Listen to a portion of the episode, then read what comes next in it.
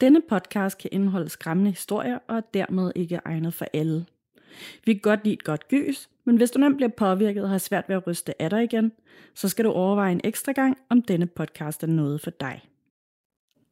Du lytter til et afsnit af Gåsehud.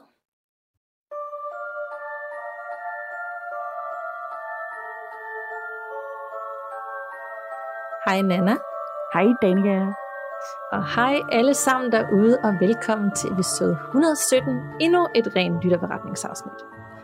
Yes, og jeg synes lige pludselig, det gør øh, helt stærkt, og jeg kunne næsten ikke, øh, da jeg sad og skulle, øh, skulle, skulle forberede det her afsnit, så kunne jeg næsten ikke engang sådan, wow, hvad er vi allerede nået dertil? Det går lige pludselig hurtigt. Det gør det. Og man kan også mærke, at man, man kommer igennem mange flere lytterberetninger nu, hvor det er hver uge, kontra før, hvor vi næsten ikke øh, kunne følge med, og vi sådan et, øh, det lyder også forkert, druknet i den. Så får vi virkelig brugt nogen nu, og det er jo godt, fordi så får vi rigtig mange uhyggelige historier ud til jer, der lytter med. Nemlig, og folk skal heller ikke vente lige så længe mere. Det er jo en god ting. Det er det jo. Så, men nu er det ikke så lang tid siden, vi har snakket sammen siden sidst, og vi snakker faktisk sammen ret meget hele tiden, men derfor kunne det jo godt være, at der var sket noget i din lejlighed siden sidst. Det er der ikke rigtig andet, end at øh, jeg holdt Halloweenfest for nogle venner her i lørdags. Uh. Det var uh, fedt. Altså, øhm, så jeg fik pyntet hele stedet op og lavet noget heksebryg og alt det klassiske. En, en gyser Jeopardy og øh, playliste, der kørte på YouTube og sådan noget hele aften. Men der skete ikke som sådan noget uhyggeligt eller overnaturligt. Fik du skræmt dine venner igen? Jeg kan huske, du fortalte for nogle år tilbage, at du skræmt lidt af folk, så de nærmest ikke ville være, komme til dine fester mere. Ja. Hvad så nu? og det gjorde jeg ikke den her gang, men det er, sådan, øh, det, er, det er virkelig sådan en drøm, jeg har om, at det skal gøres igen, og så vil jeg gøre, gå sådan all in på det. Og så tænker jeg, at det skal være, det, det skal være et hus, ikke en lejlighed. Det skal være et hus, hvor jeg kan få en eller anden til at gå ud og pille ved... Øh, øh, elektriciteten og lige slå det fra, sådan, så alle bliver rigtig forskrækket og sådan noget. og man tænker jo altid, i år skal være der, hvor jeg går all in. Og så lige pludselig, så, øh, så er der tre dage til, og så tænker man, ah, det bliver næste år. Ja, lige nøjagtigt, og sådan har det også været rigtig meget i år. Jeg, jeg begyndte der at pynte op og sådan noget øh, i hele ugen op til, men alligevel så var jeg slet ikke i mål, da gæsterne lige pludselig stod der sådan, sådan skal det være. Det er ligesom i jul, ikke? Man tænker, man har altid i verden til at lave pakkekalender til fem forskellige mennesker, og så lige pludselig så det var den 22, når man tænker, nå, ja. heller ikke ja, lige nøjagtigt. Hvad med dig? Øh, nej, ikke ud over det sådan klassiske Halloween. Jeg er også en af dem, der har været bagud med, med alt i år. Jeg føler slet ikke, jeg har nyt øh, hele oktober øh, måned, og når det her afsnit udkommer, så er vi jo faktisk et stykke ind i november. Så, øh, men vi holdt også øh, Halloween her øh, i går, og øh, der vil jeg sige, dem der bor i området, altså de har nærmest taget de amerikanske tilstande til sig. Vi pynter os op i haven med nogle uhyggelige ting og sådan lidt spøgelser, lidt zombiehoveder og sådan noget. Men altså, der er nogle andre huse herude, der er next level, hvor jeg tænker, jamen, de kunne for eksempel, så er der nogen, der har lavet sådan, at det ligner, der ligger et barn i sådan en termodragt på jorden, og så har de sat sådan en græslåmaskine, hvor hovedet skulle være. Men de har fået det til at virke, ligne et lille, virkelig barn. Sådan nogle ting. Altså, og sådan, når der er børn, der går forbi, så kan de godt blive sådan rigtig ked af det, når de ser det der, fordi det er så realistisk. Men du ved, sådan virkelig all in, og for hvert år, så bliver det bare vildere og vildere, og øh, der var sådan arrangeret øh, blandt husene at øh, det bedste kostume skulle kåres i går, og de havde skaffet mikrofon, for der var så mange, så alle kunne, skulle kunne høre det, og der var kager, altså uhyggelige kager, man skulle alle sammen komme med et eller andet hjemmevalg, der lignede noget uhyggeligt. Øh, så det var virkelig all in. Øh, og det er fedt, at for hvert år, så bliver det vildere og vildere, det er også dyre og dyre, skulle jeg ja. sige. ja, det, det er lige det. Altså, der er også sådan en thrifty person, der genbruger alle de der, øhm, hvad hedder det, girlander og alt det der pynt, som folk ellers bare lige smider ud dagen efter. Sådan noget. Det gemmer jeg, piller ned meget, meget sirligt, og så genbruger jeg det igen år efter år. Ja, sådan skal det også. Det gør vi også. Vi gemmer det også. Men alligevel, du ved, bare det at skulle købe slik til alle ja. de børn, der kom forbi i går. Jeg tror, vi købte ja, for lige under 500 kroner slik. På 15 minutter, på 15 minutter, så var der ikke mere slik. Og så måtte vi skrive udsolgt. Altså. Ej, hvor vildt. Så det tænker jeg allerede næste år, okay, det var ikke nok. Altså så ender det jo med at blive sådan virkelig dyrt til sidst, hvis jeg skal ja. udkomme alle de børn. Ja, det så, Nu har jeg lige et år til at svare op igen til det. ja. Men ellers er der ikke sket noget uhyggeligt, udover at min punkt er blevet flænset. Så, men ja.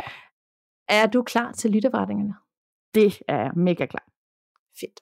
Og øh, jeg lægger ud med en fra Anonym, som handler om en indendørs træstup, eller måske nærmere en ånd på gulv. Hej piger. Jeg vil selvfølgelig lige starte ud med at sige, at jeg elsker jeres podcast. Jeg har hørt over halvdelen af afsnittene, og har for nylig hørt afsnit med Frederik, hvor han lavede en klaviance på Nana. Det har inspireret mig til at se en klaviant selv. Jeg har altid troet, at de kun havde speciale i det åndelige og at drive det væk. Men efter jeg har læst op på det, er jeg 100% på, at det er noget, som jeg har brug for. Så tak for det. Mine yndlingsafsnit er lytterberetninger, og jeg har endelig fået sat mig ned og er nu klar til at fortælle jer lidt om min egen. Det er det eneste, jeg oplevede, men den sidder dybt i mig og skræmmer mig hver gang, jeg tænker på det. Så here we go. Det skete, da jeg var barn. Nok omkring dine 10 år. Min moster og onkel boede på en gammel gård, så det var et rigtig stort hus, de boede i. Det havde to etager, hvor den nederste etage var stue og køkken, spisestue og indgang, og ovenpå, det er der, hvor alle værelserne var. Jeg har aldrig selv måtte gå derop, da der er en stor rund trappe uden gelænder, som førte op, og mine forældre var bange for, at jeg ville komme til skade. Og så også fordi der er intet for os børn at lave det op, som de voksne altid sagde. Vi skulle en uge passe deres hus, fordi de var på ferie. Jeg måtte stadig ikke gå op alene, men jeg fulgte trofast efter min mor, når hun gik op, for jeg har altid fået en nysgerrig på, hvordan det så ud. Det var da ikke noget spændende, som jeg havde håbet på. Bare en lang gang for enden af trappen, som havde fire døre på venstre side, en dør for enden af gangen, og i højre side fem store skråvinduer. Der var koldt deroppe, selv om vi var i juli måned. Og min mor hun fortalte mig, at det var fordi huset var så gammelt, og vinduerne ikke tætte, og jeg tænkte egentlig ikke videre over det. De første tre døre til venstre er soveværelser og to børneværelser, som egentlig stod tomme, da deres børn var voksne og flyttede hjemmefra. Døren for enden af gang førte ind til et badeværelse. I den uge, vi var der, fik jeg aldrig set eller fortalt, hvad der var bag den fjerde dør. Det var først den sidste dag, vi var der, og dagen, inden min moster og onkel ville vende hjem, at jeg spurgte min mor, hvad der var bag den fjerde dør. Det kunne jo ikke være endnu et børneværelse, for de havde kun to børn. Min mor fortæller mig, at det er min onkels kontor. Og af en eller anden grund er jeg super nysgerrig på, hvordan det ser ud. Og om det overhovedet er et kontor. Jeg fik nemlig en mærkelig fornemmelse af, at min mor ikke fortalte mig sandheden. Så jeg besluttede for, for at snige mig ovenpå og ind af den fjerde dør. Men det kunne jeg ikke, for døren var låst. Mystisk tænkte jeg, for de låser jo ikke engang deres hoveddør om natten. Og det irriterede mig grænseløst, at den var låst. Og jeg gik derfor på udkig efter en nøgle. Selvom jeg kun var 9-10 år, så kunne jeg alligevel regne ud, at den nok lå gemt i min onkels natbordsskuffe. Så jeg kiggede og kiggede, og den lå der, allerøverst i skuffen. Jeg husker, at jeg blev enormt glad og stolt og skyndte mig for at låse døren op. Jeg åbnede langsomt døren, for ikke den skulle hyle, da de gjorde alle deres andre døre. Da døren er helt åben, ser jeg til min store overraskelse, at det faktisk er et kontor. Døren er i midten af væggen, og rummet er en firkant. Til højre og venstre står skaber og kommoder, og for enden er et stort vindue, og foran vinduet et kæmpe massivt egetræs skrivebord. Midt på gulvet foran skrivebordet er et grønt rundt tæppe. Lyset fra vinduet skar gennem rummet, og jeg husker tydeligt, at tænkte, at kontoret nok ikke var blevet brugt så tit, for der fløj støv rundt i lysskade. Jeg bliver mere nysgerrig og beslutter mig for at gå ind på kontoret. Jeg har øje på skrivebordet, og jeg er på vej derhen i en lige linje, da jeg pludselig falder midt på det runde tæppe. Jeg er meget forvirret, for det føles som om jeg faldt over en stor træstup, men der lå absolut ingenting. Jeg faldt simpelthen ikke over ingenting. Det løber mig koldt ned ad ryggen, og jeg beslutter mig for at gøre eventyret kort og skynder mig op på benene og ud af kontoret, hvor jeg låser døren og ligger nøglen tilbage, hvor den var. Oplevelsen kunne jeg ikke ryste af mig, og det kunne mine forældre mærke på mig. Vi sidder ved spisebordet, min moster og onkel er kommet hjem, og vi spiser aftensmad.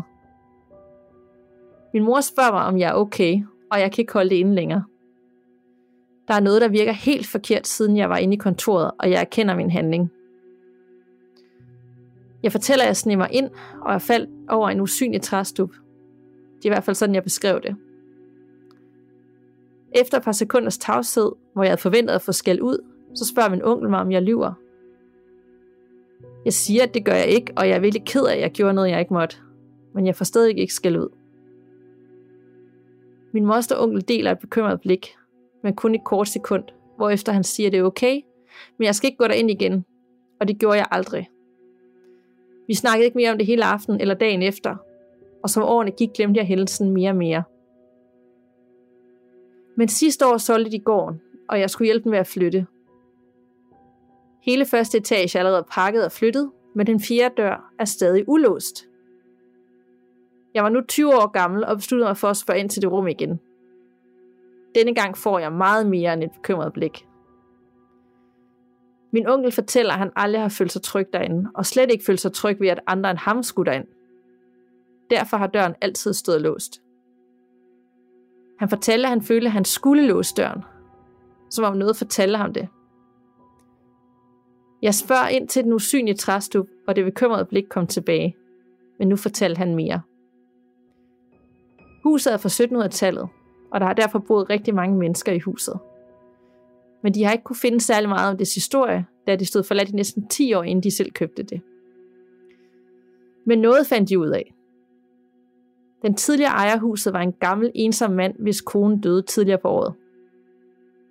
Han havde ikke meget familie og holdt sig meget for sig selv. Alt det, det har de fået fortalt af naboer.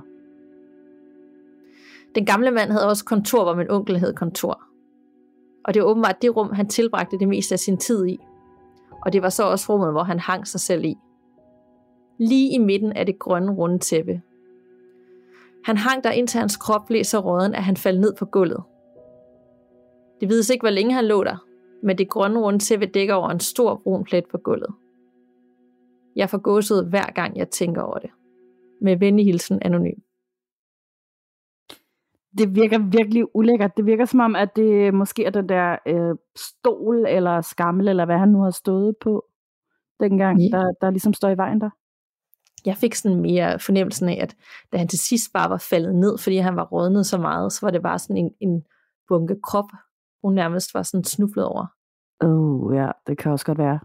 Det er endnu men, mere ulækkert. Men uanset hvad, så har hun jo faldet over noget, som egentlig ikke skulle have været der, eller i hvert fald ikke var synligt øhm, lige der, hvor han hængte sig. Det er da ikke tilfældigt. Nej, det er det ikke. Og hele viben, altså at både onkel han også var sådan, der er ikke nogen, der skal ind i det her rum, og han vidste ikke hvorfor, men øh, det skulle han i hvert fald sørge for, at der ikke var andre, så de altid stod låst, og der var ingen, der brugte det. Der får jeg virkelig også sådan, jamen det ved jeg ikke, sådan en gyserfilms, amerikansk gyserfilms vibe. Ja, altså meget sådan Haunting of Hill House, hvor der også er det der aflåste rum, som de ikke må gå ind i, og så viser det sig, at de rent faktisk alle sammen har været inde i det, men det er noget forskelligt hver gang. Ja, det er rigtigt. Jeg fik sådan helt i hvert fald, det, det var sådan virkelig starten på en klassisk uh, gyserfortælling, på den helt rigtige måde. Ja, det var det altså. Man kunne næsten se, hvordan hun stod for inden og kiggede på de forskellige rum, og badeværelset for inden, og så er der lige det ene rum, og så er det låst. Selvfølgelig er det låst. Ja, selvfølgelig er det det. Sådan skal det være. Ja,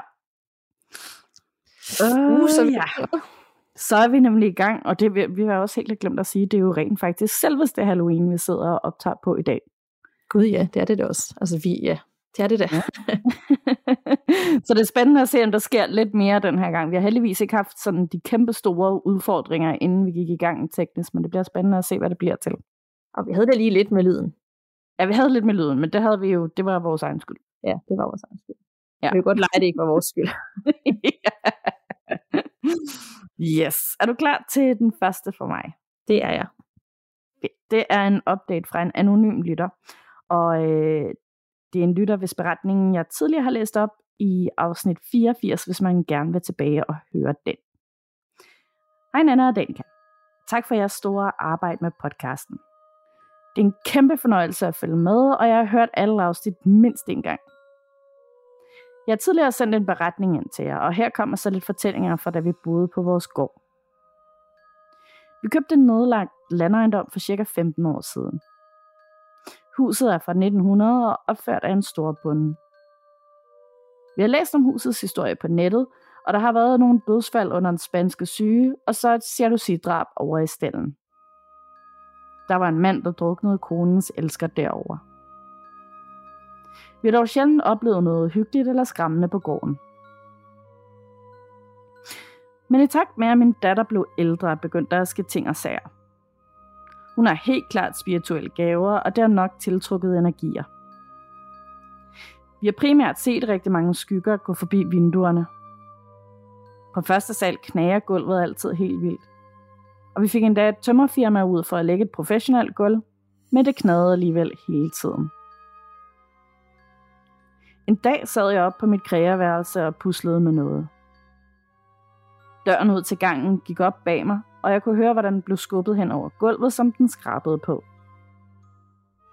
Jeg mærkede, at der stod nogen bag mig og sagde, Hej skat, hvad så? Fik du lavet lektier?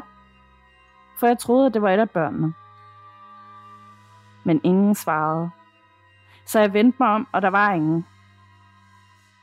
Jeg gik ud i gangen for at se, om nogen lavede sjov med mig. Men der var heller ingen overhovedet på overetager. overetagen. Min datter begyndte at interessere sig for musik. Hun spillede klaver og sang, og når hun spillede, lød der ofte en klikken fra vinduerne i den etage, hvor hun var. Det lød som, når man tapper på glas med en negl. Hun sagde selv, at det bare var spøgelsernes måde at sige, at de kunne lide musikken på. Ved siden af køkkenet var der et meget lille værelse. Vi hørte fra vores 80 år gamle nabo, at det var et gamle barnekammer. Vi har i vores tid på gården haft tre hunde, og ingen af dem brød sig om at gå forbi det værelse. Enten stod de og rejste børster, eller også så spænede de forbi det. Vi havde engang besøg af et vennepar, som havde deres lille barn med på godt et år. Vi sad ude i køkkenet og kunne næsten ikke få ham til at spise sin mad, for han havde travlt med at se, hvad der skete hen ved døren ind til det lille værelse. Han grinede og vinkede derhen, men vi andre kunne ikke se noget. Vi også oplevet, at vores heste er blevet lukket ud af boksene midt om natten. En gang var den ene hest sluppet ud, og boksen var blevet lukket igen efter den. Nå, men vi besluttede os for, at vi skulle videre. Børnene var flyttet hjemmefra, og huset blev for stort til os. Så vi bestemte os for at lege det ud og købe noget mindre til os selv. Den sidste dag, jeg var i huset, gik jeg der alene, og der fik jeg en pludselig indskydelse. Jeg sagde højt, Tak for nu. Det har været dejligt at bo sammen med jer. Men vi rykker videre nu. Pas godt på huset for os, og hvis lejerne ikke behandler det pænt, må I gerne spøge og skræmme dem lidt. Og i det samme væltede noget på overetagen. Det lød som når en kost vælter, og skaftet rammer jorden. Så jeg tænker, at de gerne vil passe på huset. Nu bor vi i noget nybygget, og der er absolut ingen nat- overnaturlig aktivitet. Til at begynde med virkede det lidt tomt, men nu har jeg endelig vendet mig til det. Mange uhyggelige hilsner til jer og alle lytterne. KH Anonym. Jeg synes virkelig, vi har et tema kørende for tiden med sådan nogle uhyggelige, hjemsøgte, gyseragtige hus. Ja, det har vi også. Gamle gårde og gamle landejendomme og ja. Og det er som om, at det, det er alt sammen, det, måske har vi også bare lige tendens til at vælge dem for tiden og med Halloween og det hele, men vi har virkelig haft en, de sidste par afsnit, der er sådan et eller andet tema, der går igen med, vi skal helt tilbage til de der helt gamle huse og alt det, der foregår deri. Det er meget cool. Ja, det er rigtigt, og faktisk også ret mange tragedier og sådan dødsfald og sådan noget, egentlig. Lidt makabert. Jeg jo virkelig vild med, at hun lige fik den her indskydelse, og nu skulle hun lige sige, at, øh, at hvis de andre ikke respekterede det, så må de godt ligesom gøre et eller andet, og så, så væltede den der kom den her lyd. Altså, jeg tror, jeg vil blive mega skræmt, men det må jo også være en fed afslutning. Ja, altså det synes jeg også var så sjovt. Og jeg tænkte også, det er genialt. Og det vil jeg også, altså det er næsten lige før, jeg vil ud og anskaffe mig nogle spøgelser, der kan passe på min lejlighed, hvis jeg nogensinde skal lege den ud. Og så bede dem om at slige, og jeg sådan skræmme livet af dem, hvis ikke de kan finde ud af at opføre sig ordentligt. Det er da Genialt. Det er god, virkelig genialt. En god deal. Og de er jo Ja. klar på det, fordi de keder sig sikkert også. Så sker der lidt, ikke? Jo, Så- nemlig. Fælles forståelse om, at vi passer på det her sted. Nemlig. Vagtspøgelser. Her vogter jeg, og så et spøgelse. Jeg gad, til gengæld, nu bor de i Nybyg, og der sker ikke det store. Jeg bor i Nybyg her, hvor jeg bor nu, og der sker heller ikke det store, men jeg gad godt vide, er der ikke nogen, der bor i noget Nybyg? hvor der sker noget. Fordi jeg har jo hørt så mange gange, at det er jo ikke kun relateret til, om hvem der har boet der før, om der er nogen, der døde der. Altså man kan jo også trække det med sig. Ja, nemlig, og det kan være relateret til den person, der flytter der ind. Altså, du har jo også, jeg vil, jeg vil sige, det der med den der brevvægt, var det ikke en brevvægt, der... Jo, det er faktisk rigtigt. Ja, det var rimelig vildt. Og noget legetøj, der også bevægede sig og sådan noget, ja. Det er rigtigt nok. Men det er nok bare, fordi der er sådan, de her øh, beretninger, de er så intensive, der sker så meget, øh, og der er så meget historie, der er flere ånder og sådan noget. Det, jeg har oplevet her, der er jo gået sådan lang tid imellem. Det med brevvægten, det er jo nærmest over et år siden. Det med legetøj også over et år siden. Så det er sådan nogle små ting. Så, så det er som om, men det er, jo, det er jo ikke relateret til stedet. Det er jo måske noget, jeg tiltrækker, fordi jeg har åbnet mig op for det. Ja, ja, det er rigtigt. Så, øh, så det kunne være interessant at høre om andre, der bor i Nybyg eller et eller andet. Nybyg. Ja. Om de har oplevet noget udelukkende, fordi de måske bare er sensitive eller åbnet sig op for det. Ja, det kunne være ret fint. Det kunne være meget sjovt at lave et helt afsnit om, egentlig. Et nybygger afsnit. ja. Godt. Er du klar til endnu en, Anna? Absolut. Og det er fra Rikke. Hej I skønne damer. Jeg har en del beretninger, som I måske kan bruge. Den første er fra 2016. Dengang havde jeg en kæreste lidt uden for Viborg. Han havde overtaget et hus efter en gammel dame, som døde i huset. Hun var faldet med sin rollator fra gangen ind til stuen, og der hvor hun faldt, kan man stadigvæk se en lang, tyk sort streg. Vi prøvede mange gange at vaske den væk, men den blev ved med at komme frem igen. Historien fortæller yderligere, at man hver morgen kan høre den gamle dame gå rundt i huset. Først hører du, hun går ud i køkkenet og roder med nogle kopper, og bagefter hører du hende gå på badeværelset, hvor hun åbner for vandet i håndvasken. Derefter går hun rundt fra rum til rum. En tidlig morgen, hvor jeg ligger alene sammen med min lille dreng, oplever jeg damen for første gang. Jeg hører lige så tydeligt, at hun går rundt i køkkenet, forbi soveværelset og så ud på badeværelset. Men jeg stivner, da døren til soveværelset går langsomt op, og jeg gemmer mig og min lille dreng under dynen. Jeg hører skridtene komme tættere på, og pludselig bliver der stille, og jeg løfter forsigtigt dynen for at kigge ud. Men jeg bliver kun om muligt endnu mere bange, for damen står helt stille ved sengen og kigger på os. Og i samme øjeblik, hun smiler, forsvinder hun. Det var mit allerførste møde med et spøgelse, og noget jeg aldrig vil glemme. Anden beretning. Denne er fra marts i år. Min familie og jeg flytter ind i et nyt hus. Første nat oplever jeg noget. Hvad det var, ved jeg ikke, men jeg havde klart en følelse af, at vi ikke var alene. Jeg vågnede om natten og troede, min mand kiggede på min yngste og jeg. Jeg hører tydeligt skridt fra trappen og vender mig om for at spørge, hvad han vil, men der var ikke nogen på trappen. Den tredje beretning er min mors.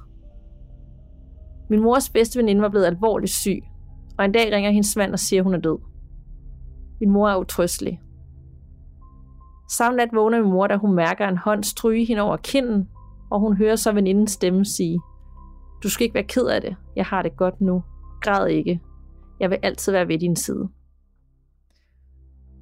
Den fjerde og sidste beretning omhandler min ældste drengs far, som døde af kræft i en alder 38. En aften i december hører min søn og jeg skridt fra trappen. Babygitteret åbner, men der kommer ingen. Lidt efter starter en julemand, der hænger i loftet af sig selv. Og det skal lige siges, der ikke var batterier i, og alligevel begyndte den at spille, hvorefter der blev helt stille igen. Tusind tak for en fantastisk, hyggelig, uhyggelig podcast. Med venlig hilsen, Rikke Katrine. Og PS, jeg bor i et lille hus nu, hvor der sker flere små ting indimellem, så det kan være, at I får endnu flere beretninger løbende. Ja, yeah, jeg elsker, når der kommer flere. Ja, men, men hold, jeg synes alligevel, det var jo fire små beretninger, men på hver sin måde ret fine eller ret uhyggelige. Ja, nemlig. Altså, det var også... Ja, hele den første historie med den her ældre dame, det er jo virkelig, virkelig tragisk. Øhm, og, men, men ja, altså det føles jo heller overhovedet ikke ondt. Det er jo det er sådan noget, du ved, når man forestiller sig, at det sker, at, den her, at man kan høre de her kopper, der er raslet ud i køkkenet og så videre, ikke? At, det, at det er virkelig, virkelig uhyggeligt og virkelig ulækkert. Men, men det er jo bare hende, der går og pusler, som hun altid har gjort, så der er jo slet ikke, i virkeligheden er det jo slet ikke uhyggeligt. Nej, hun har jo bare haft sin faste rutine, og den fortsætter hun jo med, selvom hun er, hun er død, og hun, også, at de, hun ser hende jo faktisk en gang, hvor hun også bare smiler og forsvinder, så hun har jo bare været der, som hun plejede. Ja, helt rar og slet ikke noget ondt i det. Men alligevel, hvis man bor i det, og man hører det, og man hører soveværelsesdøren åben, og man ser en for enden af sengen, så kan hun være nok så sød, men man kan jo godt alligevel øh, blive ret bange. Ja, det er det. Især hvis man er sådan en som for eksempel mig, der bliver enormt hurtigt forskrækket og stort set altid har dårlige nerver. Jeg vil næsten ønske en af os, okay, 7. 13, det ved jeg ikke, ved, får, får sådan en oplevelse, hvor vi ser det, altså så tydeligt, for ting, at vi så så spurgte dig, har du oplevet noget uhyggeligt siden sidst? Og du sagde, ja. Og så kunne du fortælle sådan noget. Ja, ja det vil jeg også. Altså, øh, ja. Næsten. Vi vil næsten håbe alligevel ja. ikke. Nemlig. Ej, så øh, og, og også øh, beretning med, med mors veninde, der ligesom lige fik sagt det til hende, at hun skulle ikke være ked af det. Øh, og hun var der for hende. Det synes jeg også var så fint. Ja, det er rigtig fint. Sådan nogle historier ja. elsker jeg også. Det er så dejligt ja. med det der med, når der kommer lidt trøst. Ja, netop. Okay. Uh, jeg er klar til endnu en. Yes, fedt. Øh, og den har jeg faktisk lidt anderledes. Det er ikke noget med sådan deciderede hjemsøgte steder på den her måde. Den kommer fra Gav. Kære gåsehud. Jeg er ny lytter af jeres podcast, og jeg har altid troet på, at der er mere mellem himmel og jord. Jeg er nemlig opvokset med det på grund af min buddhistiske mor. Vi er nemlig fra Thailand, og alle fra Thailand, eller hele Asien for den sags skyld, for den sags skyld tror på den slags ting. Så jeg var også lidt paste, da jeg startede med at lytte til jeres podcast. I sidste uge var jeg kommet til et afsnit, hvor I begynder at snakke om manden med hatten. Og han bliver jo jævnligt nævnt hen ad vejen i flere afsnit. Denne mand har sat sig så meget i mit hoved. Jeg freaker mig selv mere og mere, inden jeg skal i seng, og jeg er begyndt at få en uro i kroppen. Og så kommer den ene af vores katte, som er helt sort, pludselig op i sengen til mig en nat. Hvilket hun ellers sjældent gør. Hun knupper sig helt i hovedet på mig og miaver blidt af mig. Inden hun vender sig og går ned og lægger sig helt bestemt mellem mine ben. Der blev hun hele natten, hvilket også er sjældent. Jeg drømmer om manden med hatten den nat, og jeg kan stadig huske noget af drømmen. Hver gang jeg er ved at drømme noget med en person med en hat, så kommer det ellers ikke rigtig frem. Lidt som sådan en gammeldags filmafspiller i en biograf, som projekterer op på et lærred, hvor filmen begynder at køre op og ned, fordi den sidder fast og ikke kan afspille videre. Min katte, som aldrig normalt kommer op til os i sengen, ligger natten efter igen og putter ved siden af mig. Det er anden dag i træk, og nu er de jo så begge to hos mig. Jeg ved, at katte har beskyttende energier i sig, og vi har en helt sort kat og en træfarve. Jeg har derfor været inde og google, om der er nogen betydning af farverne på kattene, og her er, hvad der stod om dem. Sort kat. Når man ser på magi, er helt sorte katte de mest alsidige. De giver fremragende beskyttelse mod forbandelser og okulte kræfter. De kan hurtigt ophæve negativ energi, der kan leve i eller omkring dit, hjælp, dit hjem og øge den positive energi. Ejere vil også opdage, at deres, deres dømmekraft bliver styrket. Multifarvet kat. Disse er trefarvede, normalt brændt orange eller rød, sort og hvid. De er dygtige til at beskytte dit hjem mod enhver form for negativ energi, mens de øger din velstand og lykke. Og jeg har ikke kunnet lade være med at tænke på, om de måtte have kunne mærke urolighederne hos mig, siden de kom og sov hos mig. Jeg har så holdt et par dages pause for at komme ovenpå igen. Her til morgen, og det var så den 1. i 3. 2022, skulle jeg op efter min kæreste var taget afsted. Jeg bad ham om at lade lyset stå tændt, og det gjorde han. Jeg falder så lidt i igen og snuser med alarmen et par gange, og kan se, at lyset stadig er tændt. Men da jeg fem minutter senere skulle op, var der mørkt, og lyset var pludselig slukket uden for mit værelse. Jeg slog det hen, selvom jeg godt kan mærke, at det var underligt, og lyset aldrig har været slukket de gange, han har ladet det stå tænkt. Jeg har derfor besluttet, at jeg desværre må holde en pause med jeres podcast. Øv, øv, øv. Men jeg kan mærke, at den desværre giver mig dårlig energi, og jeg må tilbage til det mindre uhyggelige, så som true crime. Men måske vender jeg tilbage. Lige nu siger mit indre mig dog, at jeg desværre må springe jer over. The Hatman har nemlig desværre fået et tag i mig, og hver gang han bliver nævnt, så giver det et gib i mig. Når jeg engang måske vender tilbage, så har jeg flere oplevelser, såsom søvnparalyse og historier, som jeg oplevede, da jeg var lille og syg i Thailand, og omkring alt det, min mor har oplevet som ung. Men tak for denne her gang. Jeg håber, jeg kan fortsætte, hvor jeg slap, hvis jeg vil tør vende tilbage en dag. Jeg nåede jo desværre ikke så langt, kun til omkring afsnit 29. Med venlig hilsen, Gav. Ej, jeg føler, at vi er blevet slået op med. ja, ja, lidt. Men heldigvis så, så kan jeg kende Gavs navn fra både Instagram og Facebook, så jeg ved, hun følger med på en eller anden måde derude. Ja, sådan en lost love, der ikke kan give helt slip. Så der ja. er stadig, stadig lidt håb. Men ej jeg, ej, jeg forstår det godt, hvis at, at det giver dårlig energi, og, eller man bare sådan ikke får sovet ordentligt, altså, så, så skal man jo heller ikke bruge sin tid og kræfter på det. Altså det skal også være en god ting. Det skal jo være uhyggeligt, men det skal også være hyggeligt, og så man stadig kan have et, et normalt fungerende liv siden af. Ja, det er jo lige der, man skal i hvert fald slet ikke gøre det kun for vores skyld. Øhm, det, Nej. Det, så, så vil vi hellere slå os op med, hvis man kan få et ordentligt liv ud man af det. Man må gerne slå op med, med os, hvis man ikke føler den. Og man må gerne gøre det. Man må godt, for sådan en måde her, så synes jeg, det er så fint at sige, jeg kan ikke lige nu, fordi at, øh, det tærer på min energi. Ja, man kan også gøre det i stillhed. Altså, Ja, ja, altså okay. man behøver ikke at sende os en hilsen omkring det eller noget. Det er ikke, fordi vi sådan forventer Nej. det. Øh, ja, men det, ja, altså heldigvis så har hun de der to katte, og det er jeg nemlig også sikker på. Jeg er sikker på, at dyr i det hele taget også godt kan mærke, hvornår man lige har brug for lidt ekstra ømhed, og ja. 100 procent. Jeg fik sådan helt lyst til at anskaffe mig katte igen. Ja, yeah, de er også bare søde. Ja, jeg var virkelig også et kattemenneske, og øh, har haft kat rigtig mange år, men jeg har aldrig rigtig tænkt over de der ting over, at de sådan forskellige katte har forskellige betydning. Lidt ligesom sådan krystaller nærmest. Ja, det er det. Og jeg synes også, det, jeg synes, det var faktisk mega fedt at få den her øhm, tydning af, hvad en sort kat kan, fordi at øh, det er lidt sjovt, ikke? Altså jeg ser, ser altså jeg følger, jeg følger med i så meget dyrehaløjser på sociale medier, især sådan nogle internater og sådan noget. Og der er stadig mange internater, der siger, at de har rigtig, rigtig svært ved at få bort adopteret sorte katte, fordi der stadig er mange, der forbinder dem med overtro og ulykker og sådan noget, ikke? Så det var lidt fedt det der med, at, øh, at beskrivelsen af dem rent faktisk var, at de var skide gode til beskyttelse. Ja, det kan mit hjerte ikke bære, at fordi man er en sort kat, så har man dårligere odds end alle de andre. Nej, nemlig, det kan mit heller ikke. Men jeg havde, også, jeg havde også en sort, sort kat, da, da jeg var barn, ja. som var der før jeg blev født. Så, så jeg har aldrig haft noget med sorte katte. Det er ligesom, når katte ikke er killinger længere, så er der jo heller ikke øh, nogen, der vil have den tit. Det er jo også forfærdeligt. Ja, det er det. Det er virkelig trist. Ej.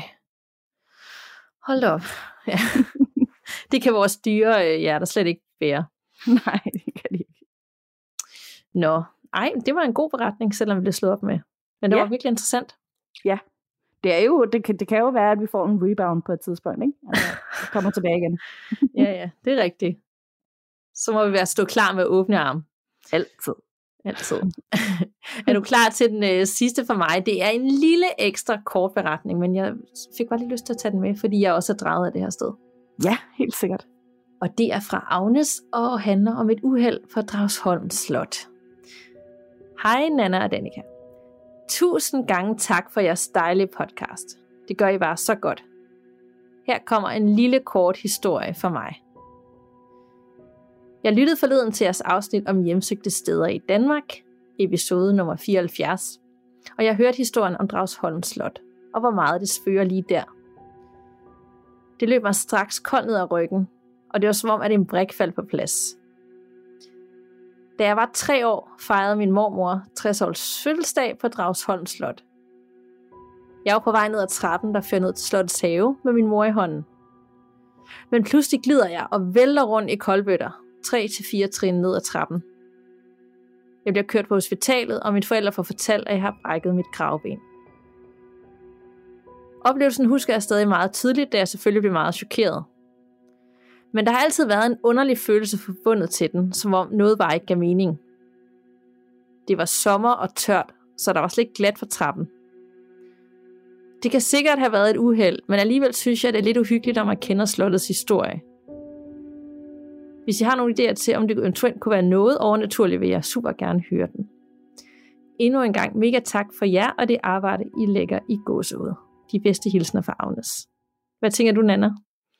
Ja, altså den første tanke, jeg får, er, er altså, at enten så er det sådan noget energiaftryk, hvor at, øh, altså, det er sådan noget gammel fugt, der er der lidt ligesom, øh, åh, jeg kan ikke huske, hvor det var, at var det en eller anden efterskole, hvor der er sådan en rød blodplet, der bliver ved med at komme frem.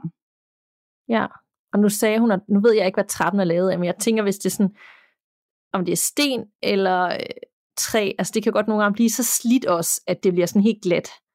Det er rigtigt, ja. Men alligevel så, man kan jo ikke undervurdere, at man har den her fornemmelse, at det var godt nok mærkeligt, fordi det var sommer, og det skulle slet ikke være glat.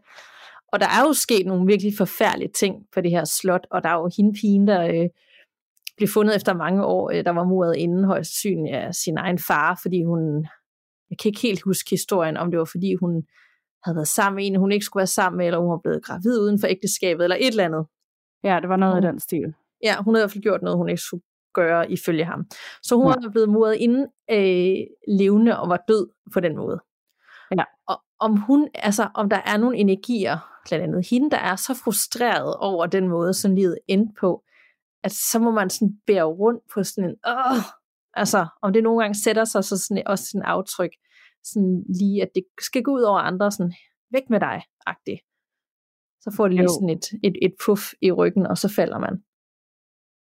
Det kan også sagtens være. Det var nemlig også den anden tanke, jeg havde, at der var nogen, der havde skubbet eller spændt ben eller et eller andet. Ja, fordi hun netop var tre år. Var, var hun gravid, hende der blev buret inden, og så sådan, det skulle have været mig, der havde rundt med det barn. Agtigt. Det, det kan godt være. Jeg kan ikke huske, om hun var gravid, men det var i hvert fald sådan noget forbudt kærlighed. Et eller andet. et eller andet. Hun havde nok en idé om, at hendes liv skulle have set anderledes ud, end det gjorde. Helt sikkert, det havde hun. Så kunne være, at hun er rigtig indebrændt og bitter. Ja. Måske burde øh, nogle klavianter tage ud og så øh, se, om der er nogen, der er fanget i et eller andet og få sendt den over på den anden side. Ja, det burde der være, men altså, har der ikke været det? Det altså, jeg, altså. jeg kan ikke komme på noget, altså, men Ja, jeg, synes, jeg synes, der er lidt, altså, der, vi har haft fortællinger, vi har fortalt om det. Jeg kan ikke huske, jeg har, har set et tv-program, eller nogle af alle de ting, der har været, hvor de har været ude ved det slot, og ligesom skulle rense det, eller undersøge, hvad der skete. Jeg føler, der har været en masse andre slot. Jeg kan ikke huske, der er nogen, der har undersøgt det slot. Det er rigtigt, det kan jeg heller ikke huske. Så derfor så er det der, vi tager hen med Frederik. Yes. Men vi sover, jeg sover der ikke. Det gør jeg altså ikke. Jo, jo, jo. Hvis vi alle tre sover der, så kan vi godt. ja, eller så holder vi os bare vågen, og så kører vi hjem, når vi er mættet. Nemlig. det gad jeg godt. Jeg vil gerne ud og, og finde ud af, hvad, hvad er det her for et sted? Er hun der stadigvæk hende for muren? Hvad er det for nogle energier, der render rundt? Ja, helt sikkert. Så, nu har vi en plan. Yes, yes. Fedt.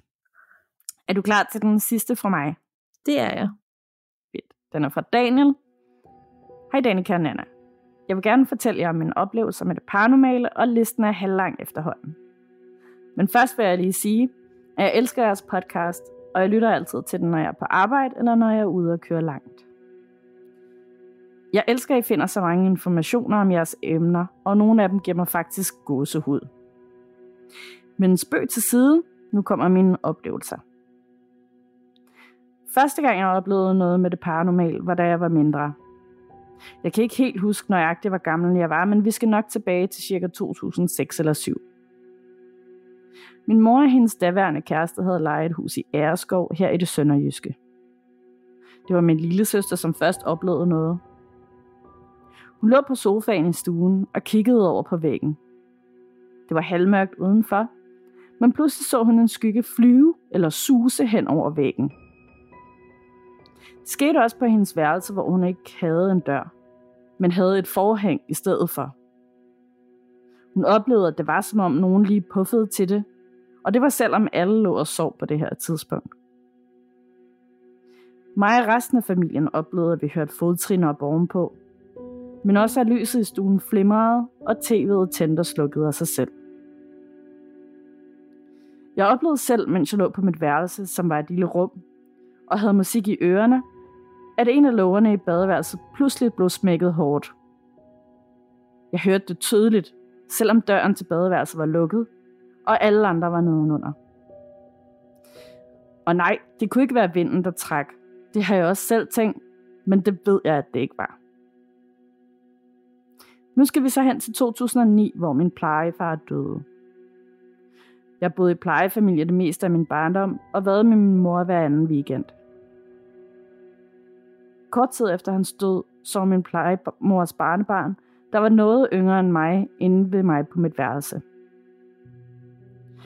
En nat vågnede jeg ved, at jeg havde sat mig op, og jeg så en sort skikkelse, som var omtrent på min højde og helt sort, nærmest som en skygge. Det stod helt henne ved min seng. Jeg var ikke sikker på, om jeg sov eller var vågen. Men jeg så skikkelsen ligesom hoppe ned fra den lille afsats, hvor jeg sov, og løb ind i det gæsteværelse, der lå ved siden af mit værelse, og som man skulle igennem mit værelse for at komme ind i. Skikkelsen løb ind og smækkede døren. Jeg blev ret bange og har tit tænkt på det, men jeg har ikke rigtig snakket med nogen om det. Men jeg tænker stadigvæk på det den dag i dag. Efter 9. klasse i 2013 skulle jeg på efterskole. Og der kan man sige, at det spøgte. Især på en af pigegangene, der dengang hed Pigeloft. Der sad jeg og nogle veninder en lørdag aften og så House, hvis jeg husker rigtigt. Jeg ser ud af øjenkrogen, og døren bliver åbnet og lukket igen. Jeg bliver selvfølgelig bange, og det gør de andre også. Først sidder vi og kigger på hinanden og smågriner lidt. Men så bliver vi enige om, at jeg skal gå hen for at se, om der havde været nogen. Men det kunne ikke være muligt, for så havde vi både kunne se dem og høre dem for den sags skyld. Det mest skræmmende var, at døren faktisk var meget tung, og ikke bare kunne sådan lige kunne gå op og i af sig selv. Så ja, det var afsindigt skræmmende. Et andet sted, hvor det også spøgte på efterskolen, var i den gruppe, hvor jeg boede. Der var en slags bomben, der kom op fra loftet. Lyden var som hvis man tager en taburet eller en skammel og løfter den op, og så slipper den igen. Min værelseskammerater og jeg undrede os over det, og blev faktisk tit ret skræmte over det. Jeg prøvede på et tidspunkt at råbe, at nu skulle det altså stoppe. Og så var det som om det stoppede kort, men derefter begyndte det igen. Der lå en gammel produktionsskole tæt ved efterskolen, som vi elever holdt os væk fra, og vi gik ikke frivilligt derhen. Der var så skræmmende, især om aftenen, for når man var der, så føltes det som om, at der var nogen, der stod og kiggede på en. Inde i selve bygningen var der også rigtig uhyggeligt. Jeg får stadig helt gåsehud, bare ved at tænke tilbage på det. Det var nogle af mine oplevelser. Men jeg har lige et par stykker mere, inden jeg slutter af for denne gang. Den første skete tilbage i 2019, hvor mig og min mand, som på det tidspunkt stadig var min kæreste, boede i en halvgammel lejlighed. Jeg vågnede på et tidspunkt om natten og kiggede over på min mand, der lå med ryggen til mig. Men pludselig føltes det som om, at nogen havde lagt en hånd på min ryg og trykket til. Det gjorde ikke ondt, men jeg kunne mærke det tydeligt, og jeg skyndte mig at lægge mig til at sove igen. Den sidste oplevelse skete tilbage i 2020 eller i starten af 2021. Der vågnede jeg midt om natten og så en sort ulvelignende skikkelse stå ved fodenden. Jeg så den kun i hvad der måske føltes som to minutter. Og puff, så var den væk igen. Jeg troede, rent ikke, jeg troede faktisk ikke rigtigt mine egne øjne, og det har skræmt mig meget. Men bortset fra det, er det lidt som om, at jeg er blevet mere vant til det, så ting skræmmer mig ikke helt lige så meget mere, som det gjorde tidligere. Men det er skummelt alligevel. Nå, nu er det slut på min meget lange e-mail, men jeg håber, at I vil læse den, og måske giver det jer gåsehud. Hehe. Fortsæt endelig med det gode arbejde med podcasten. Jeg er kæmpe fan af den. Mange hilsner, Daniel fra Røde Kro. Jeg elsker, at han er også nået til det sted, der hvor han sådan, nu skræmmer det mig egentlig ikke så meget mere. Altså, der sker, mig, der sker så meget, at det er bare hverdag. Ja, nemlig det er sådan mere, man bliver stadig for, for, forskrækket og får the creeps og sådan noget. Det er stadig skummelt, men man bliver ikke lige så sådan angst og mega bange, som man gjorde før i tiden. Nej. Og jeg kan godt sådan ikke genkende til det der med, at nu, nu der efterhånden været så mange oplevelser, man har med sig i bagagen, at der, er, der skal virkelig meget til os, hvis man virkelig skal være skræmt. Ja. Men og fedt at være tilbage med nogle efterskoleberetninger. Det er lang tid siden, vi har haft det med. Ja, det synes jeg også. Det var også helt dejligt lige at, at få det. Oh ja. Sagde han, hvorhen det var? Det gjorde han ikke, vel? Nej, det skal jeg ikke. Det er altid det første, jeg tænker, når vi får en sådan, kan vide, om det er en af dem, der er andre, der har skrevet ind med. Ja, det er det. Øh, ja, det kunne altså være ret fedt uh, lige sådan få, for, for lavet sådan et kort over det.